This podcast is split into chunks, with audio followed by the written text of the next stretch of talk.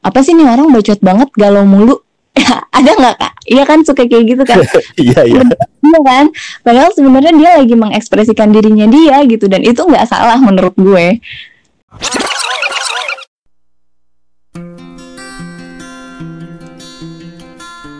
Oke kembali lagi di podcast menurut lo bareng gua Firza dan satu lagi siapa? dan sama gua Arif. Arif. Kali ini kita kedatangan tamu nih. Nah, tamunya ini juga sesuai juga sama tema kita itu tema kita kali ini tuh bebas berekspresi. Nah, ekspresi. Tamunya kali ini tuh eh, suka mengekspresikan juga di media yang sama di platform yang sama juga sih sama kita. Kenalan dulu dong, gadis. halo ini gue udah boleh masuk Iya, Mas. Boleh boleh. Waalaikumsalam warahmatullahi wabarakatuh. Nah, kira-kira kebebasan berekspresi itu apa sih, Rip? Biar jelas gitu kira- kira-kira nanti kita bakal ngobrolin tentang apa gitu. Nah, kebebasan berekspresi atau freedom of expression merupakan salah satu bagian dari hak asasi manusia. Kebebasan berekspresi dapat dimaknai sebagai suatu tindakan yang memuat unsur-unsur atau karakteristik dari sikap ekspresif yang meliputi komunikasi, informasi, dan pengaruh. Itu menurut David Wynn pada tahun 2005 gitu. Hmm, Nah, ekspresi sendiri ini eh, bisa dimulai dari adanya komunikasi yang kemudian mentransfer beragam informasi. Tujuan dari informasi ini nantinya adalah dengan adanya eh, kayak apa ya? Ada dapat menghasilkan pengaruh eh, yang mengubah kenyataan hidup, cara pandang maupun posisi dari si penerima informasi. Jadi eh, ketika kita berkomunikasi sama seseorang itu bisa dikategorikan dengan berekspresi juga ya eh, penyaluran penda- apa, penyampaian pendapat gitu. Jadi nggak nggak harus nggak harus eh, bikin podcast kayak kita gitu atau eh, bikin akun YouTube. Kayak kita berpendapat waktu rapat juga eh, mas- termasuk termasuk penyampaian informasi apa ya, penyampaian ekspresi juga. Seperti itu. Libet-libet ya kak Ini kan- berat bahasa ya Nah, kita bebas, bebas berekspresi nih.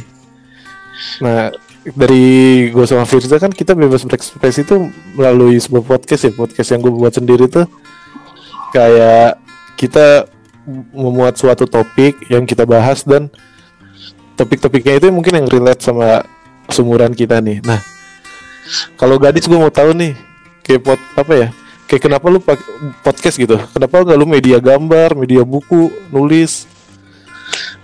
Oke, eh, jadi kenapa gue podcast? Gue cerita dulu boleh nih ya awalnya kenapa gue bisa terjun di dunia perpodcastan.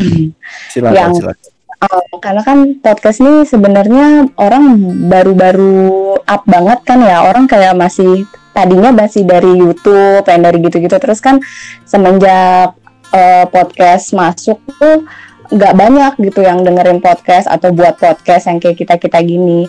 Yang pertama kenapa gue milih podcast karena kalau misalnya gue buat akun YouTube atau yang lainnya eh, tampang gue tidak menjual pak. Jadi gue lebih ketara kan. Kalau itu kan harus pakai tampang tuh. Nah kalau gue kan tampang tidak menjual nih mohon maaf. Jadi ya gue pasrah aja gue pakai podcast gitu. Yang kedua adalah eh, gue dari SMA ikutan eskul eh jurnal. Jadi gue juga broad, broadcast juga, jurnal juga yang kayak dia di dunia itulah pokoknya. Terus gue sempat jadi penyiar radio sekolah yang kayak gitu-gitu. Nah, dari situ gue tahu eh, kemampuan gue untuk ngomong gitu kan di radio atau di ya pokoknya yang yang ada yang pakai suara lah yang gue lebih ke voice gitu loh ketimbang eh, ada gambar dan lain-lain gitu. Terus abis itu dari si dari SMA gue udah mulai terjun-terjun ke dunia broadcast, udah mulai siaran-siaran, terus kuliah itu gue jadi eh, announcer di kampus gue di fakultas yang kayak gitu. Ah di fakultas dulu terus di kampus gitu kan tingkatannya. Terus habis itu udah gue udah mulai pede dari situ dari situ terus gue kayak oh ternyata emang kayaknya gue dari audio nih gue bisa nih jadi announcer yang kayak gitu-gitu akhirnya kenapa gue milihnya lebih ke media podcast kayak gitu Hmm. Nah, ini Itu dulu dulu dulu dia. Sih, Boleh.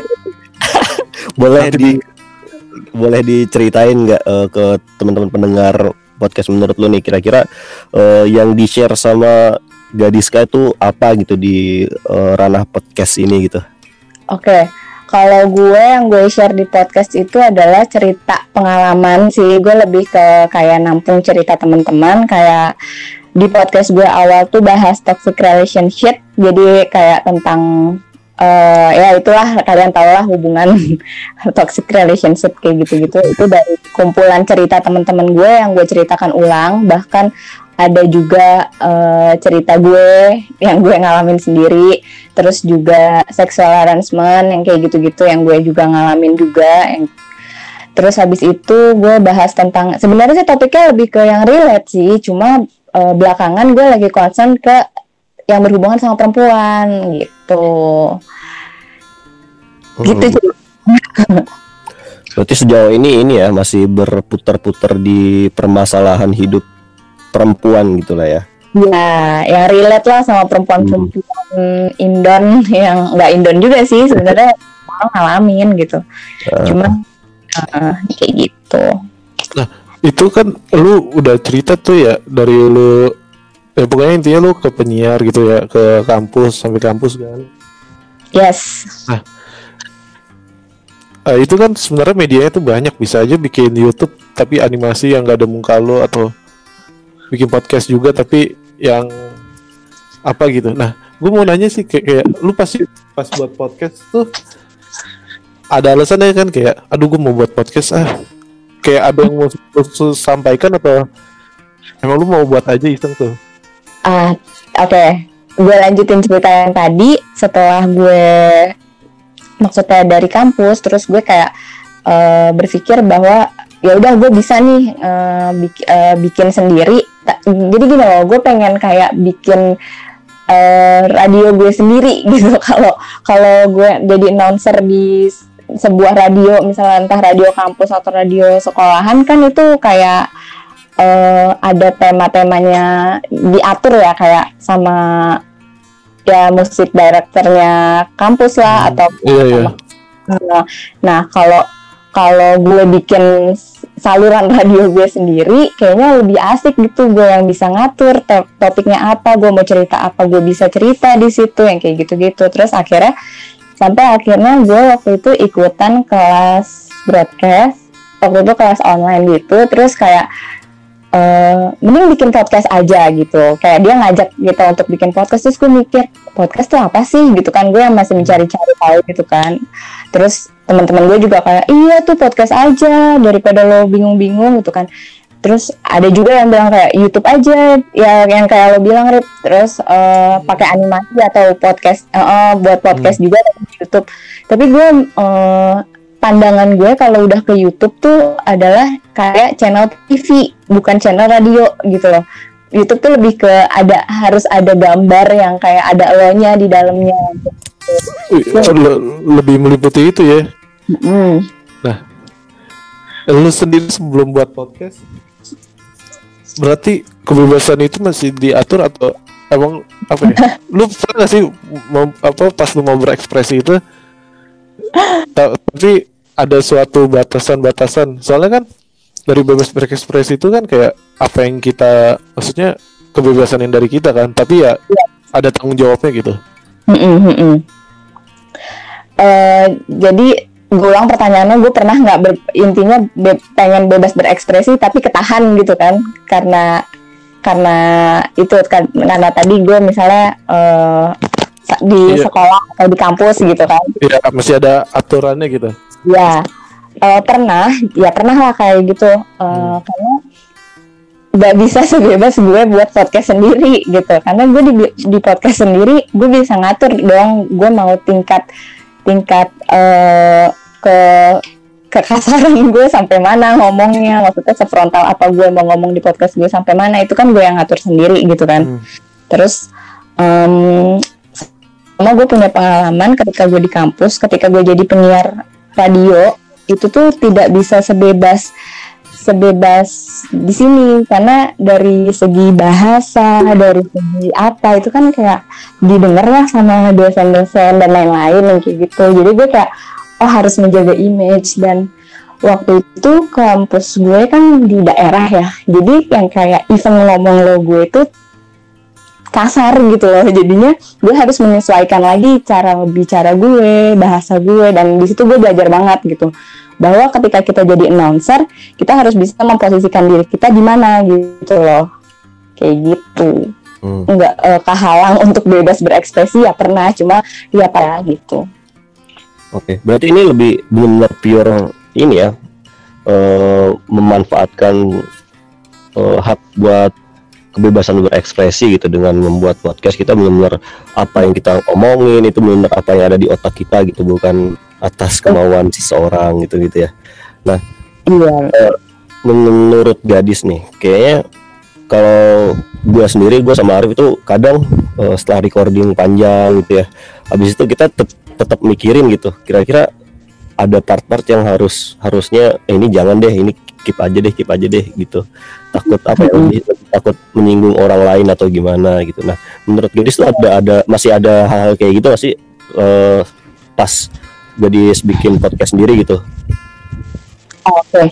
ketika gue bikin podcast sendiri, ketika kontennya gue monolog, uh, itu kan gue yang ng ngatur sendiri kan diri gue, uh, nih omongan gue harus sampai mana nih, maksudnya yang boleh dan tidak boleh gue record, yang mana gue udah bisa nge-manage diri gue sendiri gitu kan. Jadi dari awal ya, ya udah kalau emang gue nggak pengen omongin ya gak gue omongin. Tapi kalau misalnya gue berdua sama orang, itu biasanya dari awal kita deal-dealan dulu misalnya ada topik si orangnya yang nggak mau dibahas gitu misalnya terlalu sensitif gue tanya dulu e, ada batasannya nggak ke narasumber gue ya gue tanya dulu kayak ada batasannya nggak kita nggak boleh ngobrolin apa? gitu yang kayak gitu-gitu. Karena e, kalau misalnya tiap orang kan beda-beda ya. Maksudnya takutnya menurut kita itu fine tapi menurut dia nggak fine kan Eh, nggak uh, lucu juga gitu. Kalau kita bahas di podcast terus nanti ujung-ujungnya harus di cut atau segala macam. Jadi gue kayak dari awal udah nanya dulu sih biasanya. Hmm, bener, bener, bener. beda ya sama kita ya Ja? Iya kalau kenapa enggak kalau kita kayak ya. kalau kita juga kayak ya tanyain ada yang ya kita emang topiknya bahas apa gitu kayak si narasumbernya juga biasanya nanya bahas apa gitu nah kita tuh kenapa apa ya dikat bukannya kita nggak bebas tapi soalnya kadang-kadang kebebasan berekspresi kita tuh takutnya menuai respon negatif gitu. Nah, okay. respon negatifnya tuh oke okay lah kalau nggak suka, tapi lebih ke menyinggung gitu. Oke, nah, oke. Okay, okay. Lo sendiri pasti pernah kan kayak tersinggung sama ekspresi orang lain? Iya, iya pernah, pernah. Tapi kalau gue mikirnya gini, cuy uh, gue nggak yang diambil baper gitu loh kayak ya udah gitu kak di podcast gue yang bahas tentang um, feminisme itu juga awalnya gue ragu sih sebenarnya kayak waduh gue bahas kubu yang di mana ini lagi sensitif banget gitu kan di Indonesia bahas masalah perfeminismean gitu kan yang ya maksudnya lo bisa maju mundur kena itu topiknya kan. Terus gue mikir uh, uh, gue mikir berani nggak nih gue ngambil resiko kayak gini? Gitu kan. Dengan konsekuensi yang kalau gue salah ngomong dikit pasti nanti dijudge entah dari kubu si feminisnya atau dari kubu si lawannya yang kayak gitu-gitu kan. Terus gue hmm. kayak uh, oke okay, gue ambil tapi uh, sebisa mungkin gue uh, sesuai dengan pendapat gue aja. Maksudnya apa yang apa yang menurut gue uh, apa ya apa yang menurut gue baik gitu loh yang menurut gue gue yakini itu benar adanya yang kayak gitu. Terus akhirnya gue memutuskan pakai udah gue berani nih gue ambil topik itu. Terus akhirnya setelah gue ambil topik itu ternyata tidak se seburuk yang kita bayangkan cuy. Malahan dapat respon positif banyak dari perempuan-perempuan gitu dan sampai ada orang nge-DM gue yang ceritain tentang pengalamannya dia lah yang di iniin sama cowoknya, dikerasin sama cowoknya gitu kan hubungannya toksik dan lain-lain. Sampai ada kayak gitu dan gue nggak kenal itu orang siapa gitu cerita di DM gue gitu kan. Terus gue kayak ngerasa oh ternyata fine gak kenapa-napa. Nggak setakut yang gue bayangin gitu loh. Ternyata Oh. orang baik positif gitu. Dan itu mengedu eh, podcast gue mengedukasi perempuan gitu. Jadi bukan yang yang gimana gimana ternyata biasanya ketakutan kita aja sih itu mah. Inti- intinya apa pun yang kita lakukan itu pasti ada positif dan negatifnya lah ya. Heeh. tergantung orang ngelihatnya dari perspektif mana. Betul betul betul sih. Itu setuju banget. Nah eh, kalau dari yang gue baca-baca nih Mm-mm. ada dari UNESCO itu eh, kebebasan berekspresi ini tuh ada di sisi psikologis nih Eh, dari dari sisi psikologi ini tuh eh, kebutuhan untuk mengekspresikan diri kita sendiri adalah suatu kondisi kemanusiaan yang universal dan kita, umat manusia sepanjang sejarah peradaban selalu mengekspresikan diri kita. Nah, menurut gue ini betul sih. Eh, kadang kita ini bisa nyambung ke topik-topik eh, di luar berekspresi ya. Kayak misal kita overthinking tuh. Overthinking itu bisa bisa apa ya? Menurut gua eh, salah satu buat salah satu cara buat menurunkan overthinking ya bereks, mengekspresikan apa yang ada di kepala isi kepala kita gitu. Entah itu Hmm. lewat media apa pun, entah itu dengan eh, hal simple kayak bikin story atau eh, bikin tweet-tweet gak jelas gitu di Twitter. iya benar-benar Nah, ya menurut gua eh, banyak eh, sisi positif dari berekspresi gitu. Jadi nggak bisa apa ya? Kita nggak bisa nggak bisa menyangkal kalau kebebasan berekspresi ini hal yang patut kita pertahankan gitu. Apalagi dengan apa ya? Maksud gua kayak di zaman sekarang nih banyak orang yang mulai tersinggung dengan sesuatu yang sebenarnya nggak menyinggung-menyinggung banget gitu. oke iya benar Gitu. Iya, gue gue pernah bahkan eh, gue tuh anaknya tipikal yang ekspresif banget sebenarnya. Jadi ketika gue punya something problem atau yang lain-lain itu tuh harus diceritain ke orang. Terus ketika gue atau eh, nemu apa ya kayak eh, podcast yang kayak gitu-gitu, akhir pada akhirnya gue menyalur apa yang gue rasain ya dari podcast juga gitu ke podcast juga atau ke tweet-tweet gue gitu. Misalnya gue lagi kesel atau apa gue gue nulis yang kayak gitu-gitu. Cuma karena gue anaknya demen ngomong jadinya kayak lebih nyamannya gue ngomong gitu. Jadi kebebasan berekspresi gue ngomong gitu. Nah makanya gue suka heran tuh ada orang yang kayak eh apa sih nih orang bacot banget galau mulu ada nggak kak? Iya kan suka kayak gitu kan? Iya iya. Iya kan? Padahal sebenarnya dia lagi mengekspresikan dirinya dia gitu dan itu nggak salah menurut gue. Benar gue setuju banget nih. Kayak misal kadang kadang gue juga eh, ngerasa gitu ke eh, istilah gue ini jujur gue orangnya eh, sangat suka menumpahkan apa yang ada di kepala gue di Twitter gitu. Entah ap- apa pun itulah kalau misalnya gue lagi banyak pikiran tuh kadang eh, ah cuma jalan aja gitu jari-jari tiba-tiba buka Twitter langsung eh, ngetik-ngetik gak jelas Iya. gitu. kadang kadang emang eh, ada orang sih menurut gue ada beberapa orang yang eh, ketika berekspresi itu dia secara gamblang mengatakan apa yang ada di isi kepala otaknya gitu di isi otaknya di isi kepala otaknya jadi tapi ada ada orang yang eh, dia apa namanya mengungkapkannya itu secara tersirat gitu entah itu iya eh, menggunakan kata-kata yang kurang umum gitu-gitu. Dan ya menurut apa ya kan itu sisi sisi pribadi manusia tuh ketika ngeliat orang lain seperti itu ih apaan sih? Kayak sok sok ini Iya, banget. iya. Ih, secara gak sadar kita juga melakukan hal seperti itu gitu. Jadi kita nggak bisa menyalahkan orang lain juga. Iya benar benar. Tapi balik lagi sih yang, yang tadi Firza bilangin gitu kan ada yang bilang ada apa cara nyampeinnya tuh tersirat gitu. Tapi emang balik lagi kayak bebas berekspresi itu kan adanya komunikasi. Yes. itu kayak mungkin cara komunikasinya kali yang lebih tersirat tersirat gitu. Nah tapi yang gue lihat ya di apa di pembicaraan lain gitu kayak misalkan orang yang di rumah aja nih. Dia tuh ada adalah mungkin anak-anak yang gak bisa mengekspresikan dirinya di depan keluarga gitu. Oke. Nah, apalagi yang ke- kejebak ini gara- gara-gara corona. Ada gak sih yang mungkin ada kali orang yang aneh-aneh gitu. Soalnya gue sendiri tuh ngerasain kalau gua tuh kalau di misalkan gua di kosan sendiri gitu emang gak ada kegiatan tuh kadang-kadang apa ya kita tuh butuh berekspresi juga ke temen entah kita ceritain kayak unek-unek gitu. Entah ada apa yang mau diobrolin. Soalnya ngobrol sendiri itu aja udah berekspresi kan? Iya. betul betul. Kayak gitu gak sih kalau ketahan-tahan? Maksudnya ada yang ketahan gitu di hati? Iyalah, kalau gue palingan kalau kayak gitu, apalagi situasinya kayak sekarang kita nggak bisa ketemu teman-teman untuk ngobrol atau cerita ya. Biasanya gue to the point langsung kayak ada beberapa teman deket gue atau misalnya orang orang paling deket gue misalnya pacar gue gitu kan. Eh mau cerita gitu kan. Paling gue kayak langsung telepon atau langsung video call yang kayak gitu-gitu. Jadi emosi gue tuh tersampaikan gitu loh tersalurkan gitu loh. Walaupun cuma mereka cuma dengerin aja nggak usah pakai eh, ngebacot atau gimana gimana gue cukup didengerin aja karena sebenarnya kebebasan ekspresi menurut gue adalah ketika emosi lo ketika eh, apa yang lo mau sampein tuh keluar gitu udah gitu doang. Setuju setuju setuju. Ini setuju banget sih. Kadang apa ya emang benar kadang eh, orang tuh eh, cuma butuh didengerin gitu pas cerita. Nah ini eh, yang ngebuat gua akhir-akhir ini tuh kalau ada orang yang cerita tuh suka bingung aja gitu. Gua harus berlaku seperti apa gitu.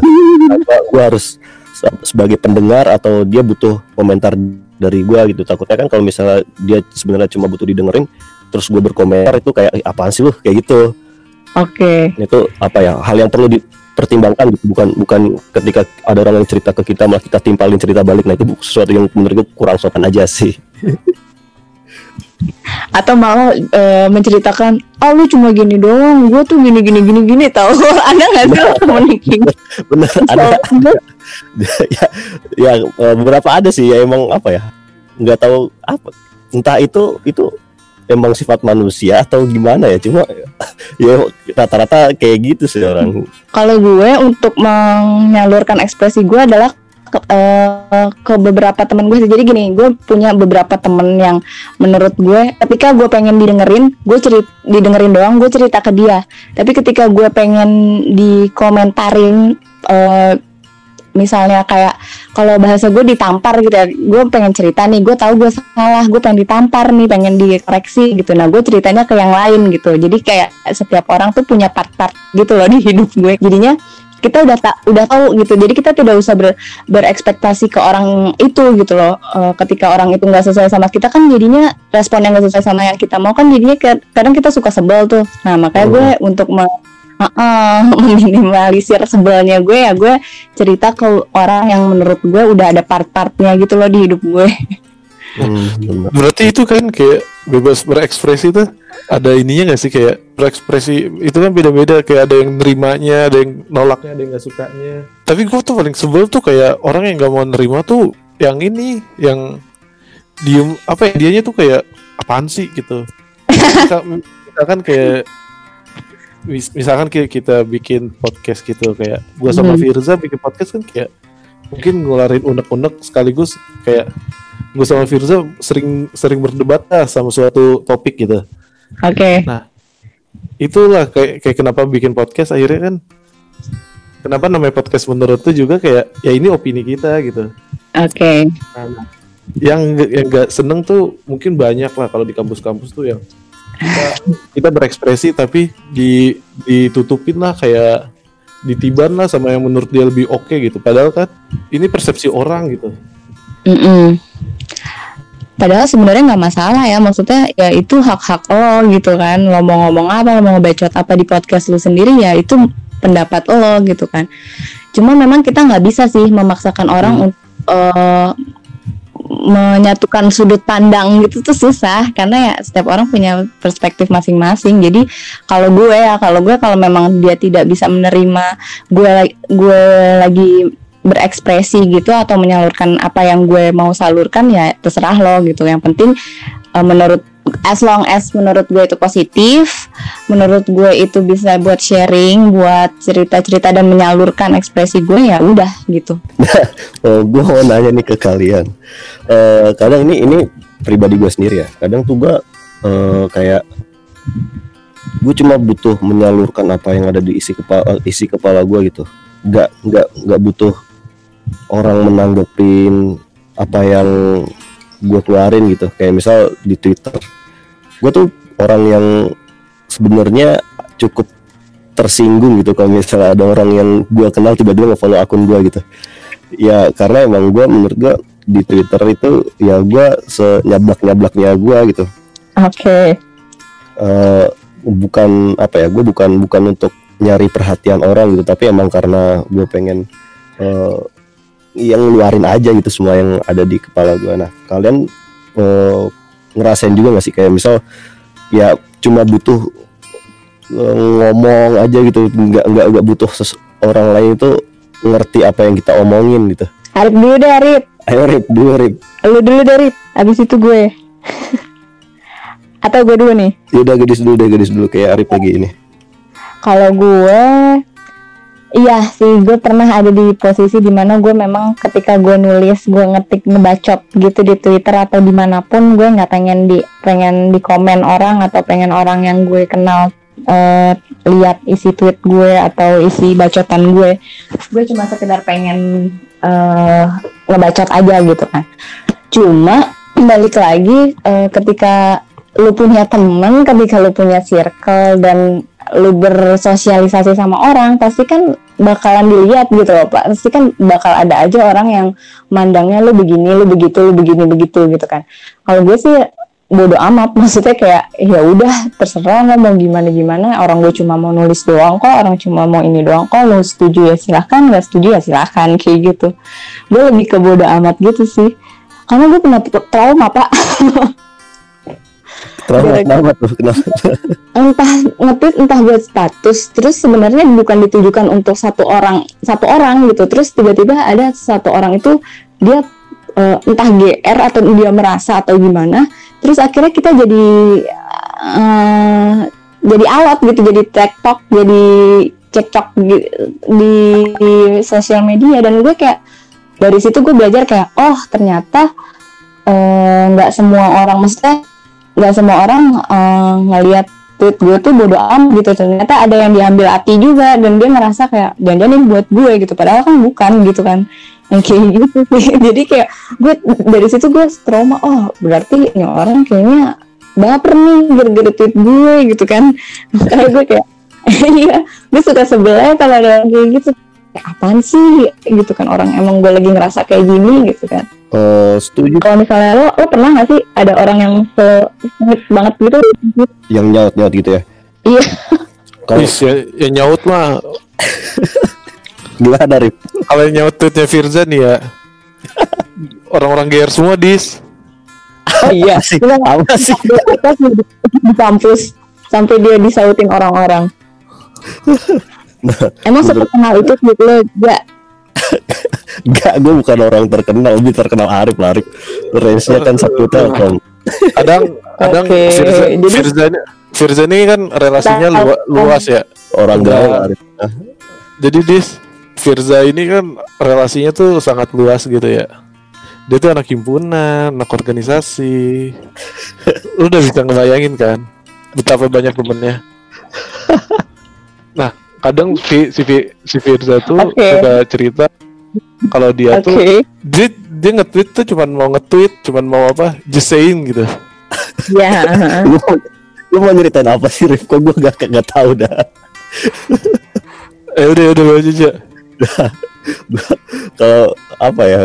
Kalau nyaut nyaut gitu, gue sebenarnya ku apa ya nggak terlalu ini sih tapi di iniin ya tapi di bacotin Enggak, tapi kalau selama perkuliahan ya, selama selama perkuliahan gue nggak nggak terlalu kayaknya malah belum pernah ada yang sampai eh, tersinggung sama apa yang gue keluarin gitu. Karena gue tipikal orang yang menurut gue berhati-hati gitu. Jangan apa ya gue nggak mau mengeluarkan sesuatu yang orang yang orang tuh bisa baca apa yang gue keluarin gitu. Jadi apa ya kayak misal ini deh di Instagram. Kalau kita ada story ya? St- Iya. story. Kadang tuh orang bikin close friend itu buat buat biar orang-orang tertentu yang lihat Iya kan? Orang tertentu kalau gue tuh malah kebalikannya loh. Kadang gue bikin close friend itu malah justru biar orang-orang yang kayaknya kayaknya orang-orang ini tuh bodo amat sama apa yang gue tulis. Nah gue masukin ke close friend. Jadi biar, biar apa ya?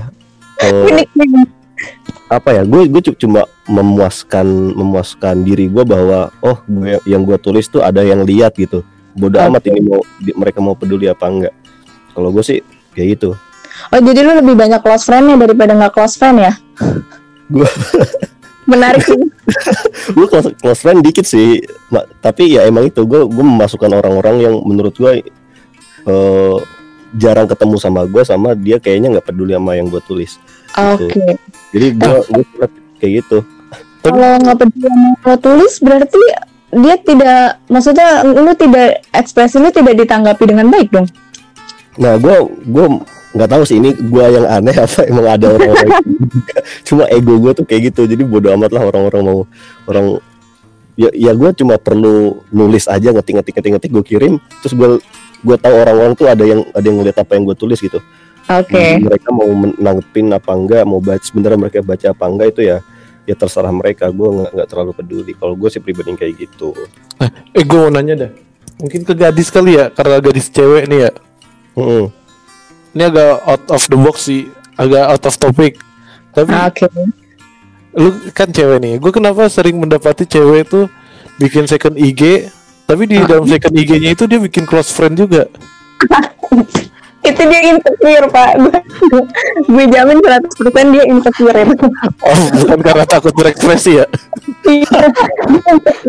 Jadi dia mau nge-share apa yang dia punya atau dia mau nge-share apa, tapi dia takut gitu, takut ya insecure gitu gimana sih namanya cewek kan ya. Kadang kan suka ada banyak yang ya gue takutnya begini, ah gue takutnya begitu, gini gini gini gitu. Kalau gue sih mikirnya gitu. Nah, gue mau nanya nih ke kalian lah. Menurut kalian tuh ke- ketika kita berekspresi gitu, eh, mengeluarkan apa yang ada di si kepala tuh ada ada kelegaan tertentu gak sih? Kayak, eh, ah gue udah banyak tekanan gini gini terus setelah kita berekspresi entah itu cerita ke orang, entah itu bikin tweet, bikin story dan lain-lain tuh jadi ada kelegaan ter- tersendiri gitu. Oke. Arif dulu Rif. Nih, kalau gue tuh, kalau gue mungkin gak tweet gak apa ya, mungkin kayak sebagai cowok agak jarang gitu. Kalau gue tuh bikin inilah, kayak dulu tuh ada yang namanya Wattpad, sampai sekarang ada sih.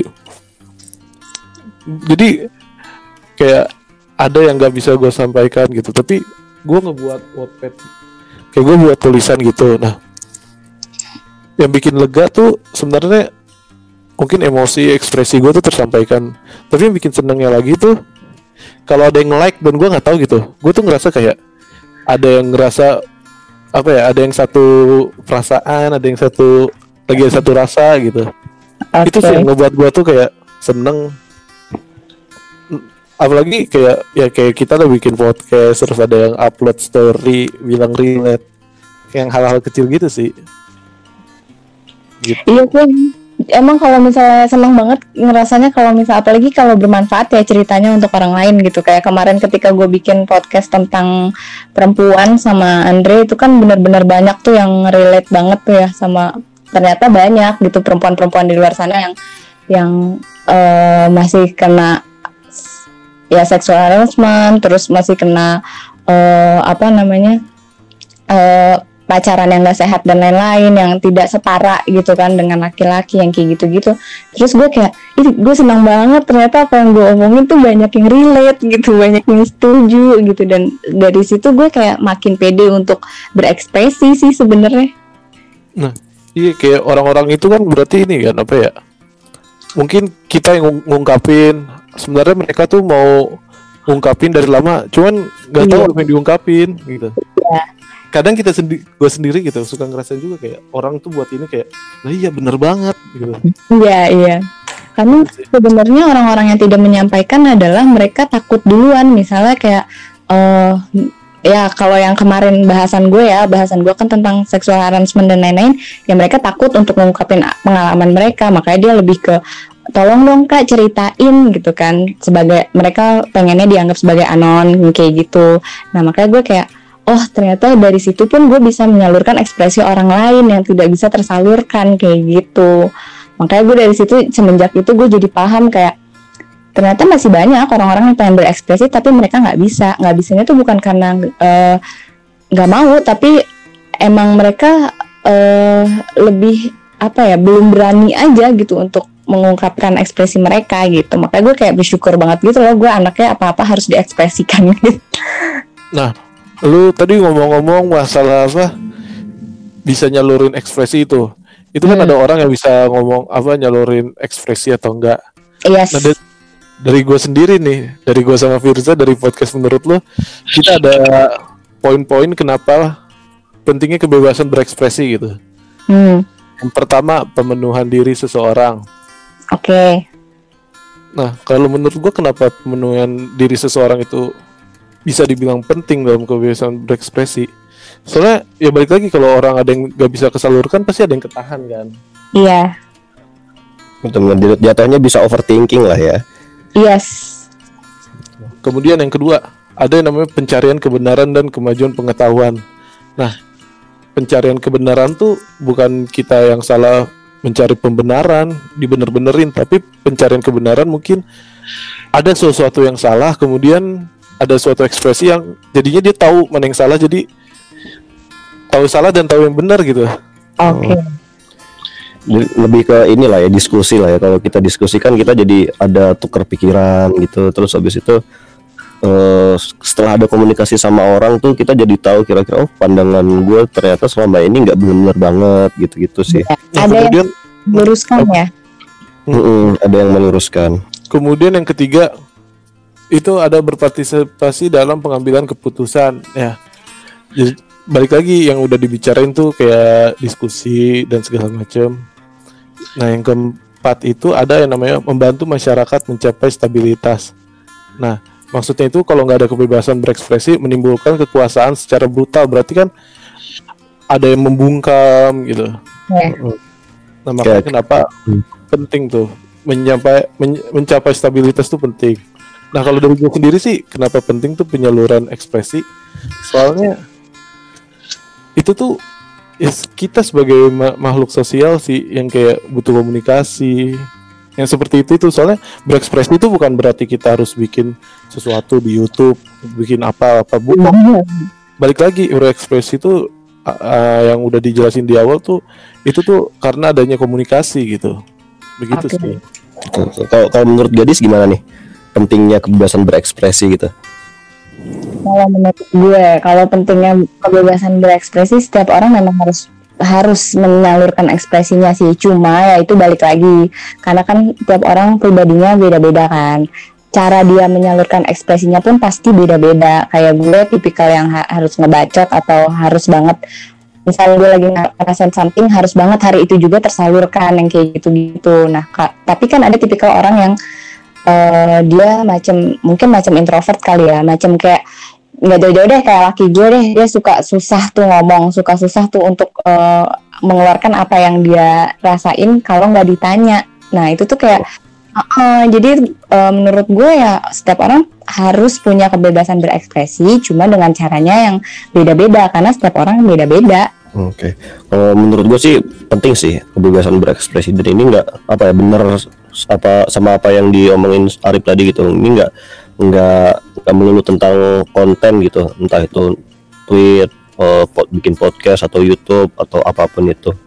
Nah, eh, kebebasan berekspresi ini juga menurut gua eh, bisa dalam hal hal-hal yang benar-benar penting gitu, maksudnya yang benar-benar serius kayak misal eh, pemilu gitu-gitu itu kan eh, salah satu wadah berekspresi kita kan. Jangan sampai ketika kita apa namanya kita mikir nih, oh yang yang benar tuh kayak gini. Terus habis itu karena kita bungkam, terus habis itu kita nggak berpartisipasi di ajang-ajang seperti itu, di wadah-wadah seperti itu, terus nanti ketika di masa depan ada sesuatu yang salah, terus kita malah nyalain oh tuh kan salah, yang benar tuh kayak gini. Nah itu apa ya? Jadi ya percuma gitu eh, pendapat lu yang sebenarnya benar tapi lu nggak ik- berpartisi- berpartisipasi dalam kegiatan eh, penyaluran ekspresi ini terus malah menuntut sesuatu yang lu aja nggak berkontribusi gitu menurut gua eh, sepenting itu dalam apa namanya kebebasan berekspresi gitu berpartis berpartisipa berpartisipasi dalam eh, penyaluran ekspresi itu sepenting itu juga gitu Iya sih karena eh, banyak loh kasus-kasus yang orang nggak bisa berekspresi pada akhirnya dia decide untuk suicide. Mm-mm. Kayak apa ya? Gue pernah dengar cerita gitu kalau di suatu negara lah ada dia tuh eh, karena kebutuhannya terlalu banyak gitu, eh, apa namanya income-nya terbatas gitu ya. Eh, terus dia karena saking tertekannya dan dia nggak nggak tahu harus menyalurkannya seperti apa sampai dia eh, memutuskan untuk eh, suicide itu tadi gitu. Lain lain halnya kalau di ini bukan di Indo ya. Di Indo mah kalau misal kita butuh duit kita bisa utang tetangga, teman gitu bisa apa mengeluarkan ekspresi itu sangat gampang sekali gitu. Bahkan bahkan kalau misal kita udah saking overthinking menurut gua ada beberapa orang Indonesia itu kalau udah te- kena tekanan yang gede banget itu bisa diselesain dengan berkata-kata kasar doang gitu. Iya sih, iya sih. itu. Tapi Nah. ada sih pak yang baret-baret tangan juga ada pak.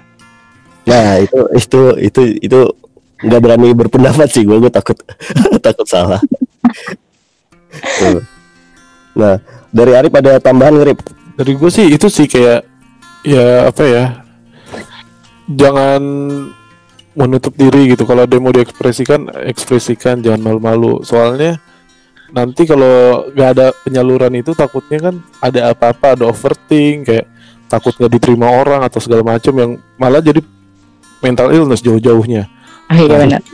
itu kayak gitu sih kayak ya jangan takut lah gitu udah sih cukup dari gue sih segitu Nah itu. Oke mungkin eh, kita tutup dulu aja kali ya karena eh, takutnya nanti pembahasannya ke mana-mana. Jadi mungkin eh, kalau misalnya teman-teman yang dengerin pengen ambil kesimpulan dari podcast ini bisa didengerin ulang aja nanti biar capek. Iya, lebih hafal gitu tentang kira-kira pendapat kita tuh tentang berekspresi itu kayak gimana dan biar nanti traffic di di podcast kita tinggi juga gitu. Oke. Mungkin eh, sekian dari podcast menurut lo. Terima kasih buat Gadiska yang udah ikut Terima berpartisipasi. kasih udah ngajak Eh, kan- gue. Apa? kasih kasih tau dong di siapa nama podcast lu yang sangat feminis feminis itu Oh, enggak sih Pak, enggak semuanya iya iya cuma karena, ngobrol sama gue jadi relate nya eh, biasanya perempuan-perempuan. Cuma gue kayak mau menggait laki-laki, ah kayaknya listener gue perempuan semua, gue jadi nggak dapet laki nih. nah listener gue laki tuh rata-rata yang upload story laki semua Terus pada request gitu ya Rip ya. Sama ini aja dong, sama ini aja dong gitu. request perempuannya sama yang ini aja dong sama yang ini Milih ya Pak. Iya. nah apa nih nama podcast lu nih Oh iya, nama podcast gue ngobrol ngobrol bareng gadis, jadi bisa dicari di Spotify atau di Anchor. Cie, promosi gitu. jadi malu. Promosi, Twitter boleh nggak? Boleh, boleh, boleh, boleh. Instagram sama Twitter di @gadiskaal kalau kalian-kalian mau cerita atau curhat-curhat terus pengen disa- disalurkan ekspresinya boleh banget. Nanti kalau misalnya mau cerita langsung DM aja. Nanti gue anon kalau misalnya kalian nggak mau nggak mau dikasih tahu siapa yang ceritain. Kayak gitu. Gitu. gila. Oke, itu udah kayak selebgram banget sih nyampe. Udah tertata banget ya Rip ya, gak kayak kita.